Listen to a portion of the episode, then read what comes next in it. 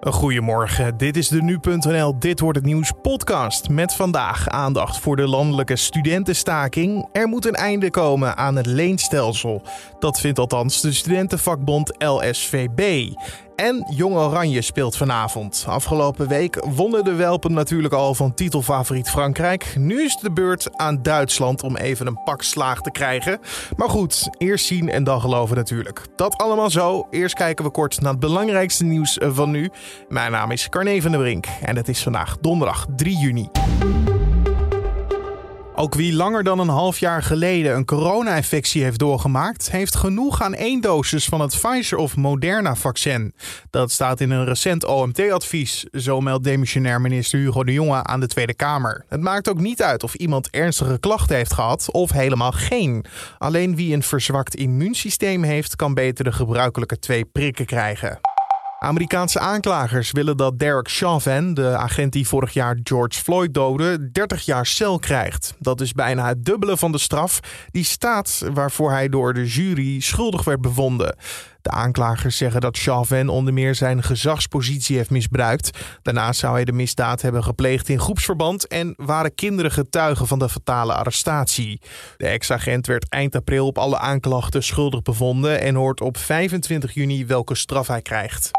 Zonnepanelen verstoren de communicatie met hulpdiensten, zoals politie en brandweer. Geregeld veroorzaken onderdelen van de panelen op daken ernstige storingen in het communicatiesysteem C2000. Het probleem wordt nu alleen maar groter omdat er meer zonnepanelen op ons dak liggen. Het agentschap Telecom is daarom een zaak begonnen tegen de fabrikant die storende apparatuur op de markt brengt. Spoorbedrijf Arriva wil nachttreinen laten rijden vanuit Maastricht en Groningen naar de Randstad. Met als belangrijkste bestemming luchthaven Schiphol. Arriva wil daarmee tegen de monopoliepositie ingaan die de NS heeft. Dat zegt de topman tegen NRC. Hij denkt dat de nachttreinen een succes kunnen worden, want op dat traject rijden er nog geen treinen in de nacht en het is dus geen concurrentie met de NS.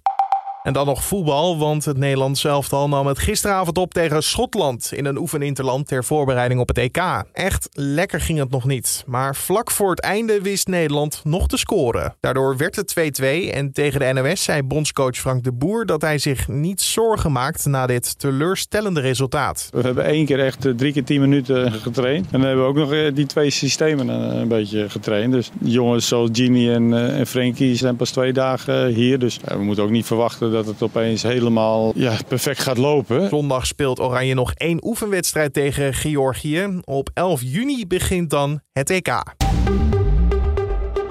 En dan kijken we naar de dag van vandaag, oftewel dit wordt het nieuws. FNV Young United en de landelijke studentenvakbond LSVB houden vandaag een landelijke studentenstaking. Met de staking willen de studenten en de vakbonden een duidelijke en krachtige boodschap aan de politiek geven.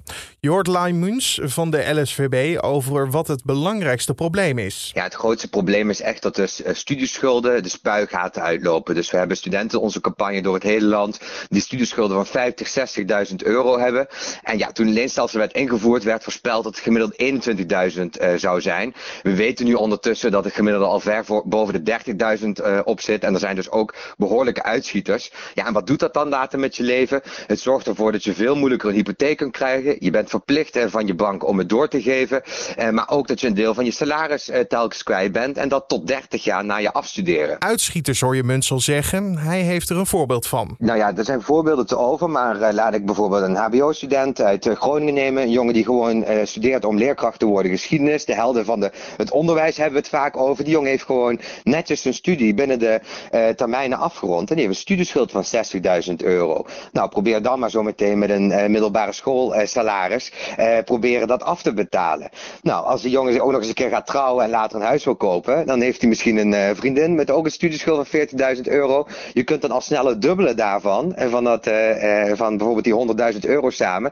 Het dubbele daarvan kun je dan minder aan een hypotheek krijgen. Het zijn hele forse bedragen. En we weten al hoe moeilijk jongeren het überhaupt hebben om een huis te vinden. Ja, dan uh, kun je die studieschuld missen als kiespijn. Wat willen de vakbonden dan bereiken met deze actie? Ja, er zijn twee uh, hele belangrijke eisen. De eerste eis is, wij vinden echt dat schuldenvrij studeren mogelijk gemaakt wordt. Dus een student die gewoon een bijbaantje doet, misschien ouders heeft die wat bijdragen, die zou in principe in staat moeten zijn om schuldenvrij te studeren. Dat uh, moet er komen voor toekomstige studenten. Voor studenten die onder het leenstelsel zijn gevallen, moet er ook een compensatie komen. Want het zou echt te gek voor woorden zijn als we vijf jaar geleden een basisbeurs hadden en dat zometeen ook weer aan studenten geven. Maar de studenten die ertussen zijn gevallen, die eigenlijk slachtoffer zijn geworden van een mislukt experiment, dat we die laten zitten met studieschulden van 40, 50.000 euro. Dus twee dingen, schuldenvrij studeren voor de toekomstige generatie studenten en ook de compensatie van wat wij noemen de pechgeneratie. En hoe ziet de actie er dan vandaag uit? Het is een grote staking, dus er is een uh, podium uh, en daarachter staan ongeveer duizend studenten op anderhalve meter met mondkapjes. We hebben ook politici van alle politieke partijen uitgenodigd. en hen gaan we natuurlijk vragen, wat gaan jullie doen met de formatie? Het is een aantal dagen voordat informateur Mariette Hamer met haar rapport gaat uitkomen. En we hopen natuurlijk ook dat die positie van jongeren, waar zoveel aandacht is voor is geweest de afgelopen tijd, dat die ook goed naar voren komt. En dat dus die formerende partijen druk voelen vanuit jongeren om echt wat te gaan doen aan de studieschuld. Je hoorde de voorzitter van vakbond LSVB, Lime Muns. En de acties zijn vandaag allemaal onderdeel van de hashtag Niet Mijn. Vanavond speelt Jong Oranje in het EK onder de 21. Afgelopen maandag stunten de mannen al door titelfavoriet Frankrijk naar huis te sturen. Door een doelpunt in de laatste minuut van de extra tijd. Nu is de beurt aan Jong Duitsland. Bij winst staat Oranje in de finale. Maar goed, eerst dus die Duitsers. Hebben we kans? Dat hebben we natuurlijk even gevraagd bij Jeroen Bijma, die voor nu.nl Jong Oranje volgt. Ja, je kan zeggen dat het op papier uh, zeker makkelijker wordt. Want uh, als je alleen al kijkt naar de transferwaardes van de uh, selecties. Ja, bij Frankrijk was dat meer dan 500 miljoen euro. Er zaten allemaal topspelers in die al basisspelers waren bij grote clubs in Europa. En bij Duitsland ligt de transferwaarde van de selectie ligt, ligt rond de 150 miljoen euro. Dus dat, is een enorm verschil. En ze hebben eigenlijk maar één echte sterspeler. En dat is Florian Wirtz van Bayer Leverkusen. Maar aan de andere kant is Duitsland wel gewoon meer een team dan Frankrijk. Het is een, uh, een stugge ploeg. Rijen speelde daar in de groepsfase nog tegen. En toen werd het 1-1 uh, en kreeg uh, Nederland amper kansen. Dus een finale plek is zeker geen zekerheidje. Dan weten we waar we op moeten letten bij de Duitsers. Hoe zit het dan met onze kwaliteiten? Bij ons moeten we het vooral hebben voorin natuurlijk. De kracht van Rijen kwam helemaal tot uiting bij die 2-1 tegen Frankrijk. Een snelle counter met uh, Stenks uh, die de, uh, die, diep stuurt. En Kluivert die een breed legt op uh, Boadu. Ja, dat is wel typerend voor het spel van rijen. Een beetje ze willen wel vroeg druk zeggen, maar nemen ook een beetje een afwachtende houding en willen dan toeslaan uh, in de counter. En uh, daar zijn ze dit toernooi zeer succesvol mee tot nu toe. De wedstrijd begint vanavond om 9 uur en wordt gespeeld in Hongarije. En dan over naar het weer van vandaag. Is het nog steeds korte broeken weer? Of moet je toch de lange broek uit de kast halen? Dat hoor je van Diana Woei van Weerplaza. Het is vandaag nogal onbestendig. De zon schijnt van tijd tot tijd, maar er komen ook wolkenpartijen voor. Vanochtend kan er op een enkele plek al een enkele bui voorkomen. Vanmiddag verwacht ik de meeste buien in de oostelijke delen van Nederland. En dat kunnen fikse buien zijn met lokaal hagel, onweer en veel regen in korte tijd. Ik denk dat het in het westen van het land vrijwel droog blijft en dat het iets aangenamer is vanmiddag met 23 tot 24 graden en niet al te veel wind vanuit het westen. Maar verder landinwaarts is het broeierig met 25 of 26 graden en weinig wind. Dankjewel Diana Woei van Weerplaza. En om af te sluiten nog even dit. De NASA gaat tussen 2028 en 2030 twee wetenschappelijke missies naar Venus sturen. Het zijn de eerste missies in tientallen jaren. Daarmee moet de samenstelling van de atmosfeer van Venus worden gemeten en duidelijk worden waarom de planeet zich zo anders heeft ontwikkeld dan de aarde. Dat ze ook inzicht kunnen geven in het broeikaseffect.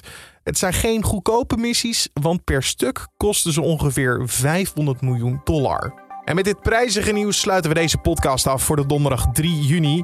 Je vindt ons in de ochtend en middag op de voorpagina van nu.nl en in je favoriete podcast app. Je kan je gratis abonneren, het kost helemaal niks en zo staat hij elke dag voor je klaar. Wel zo makkelijk. Mijn naam is Carne van der Brink. Een hele mooie dag en tot de volgende.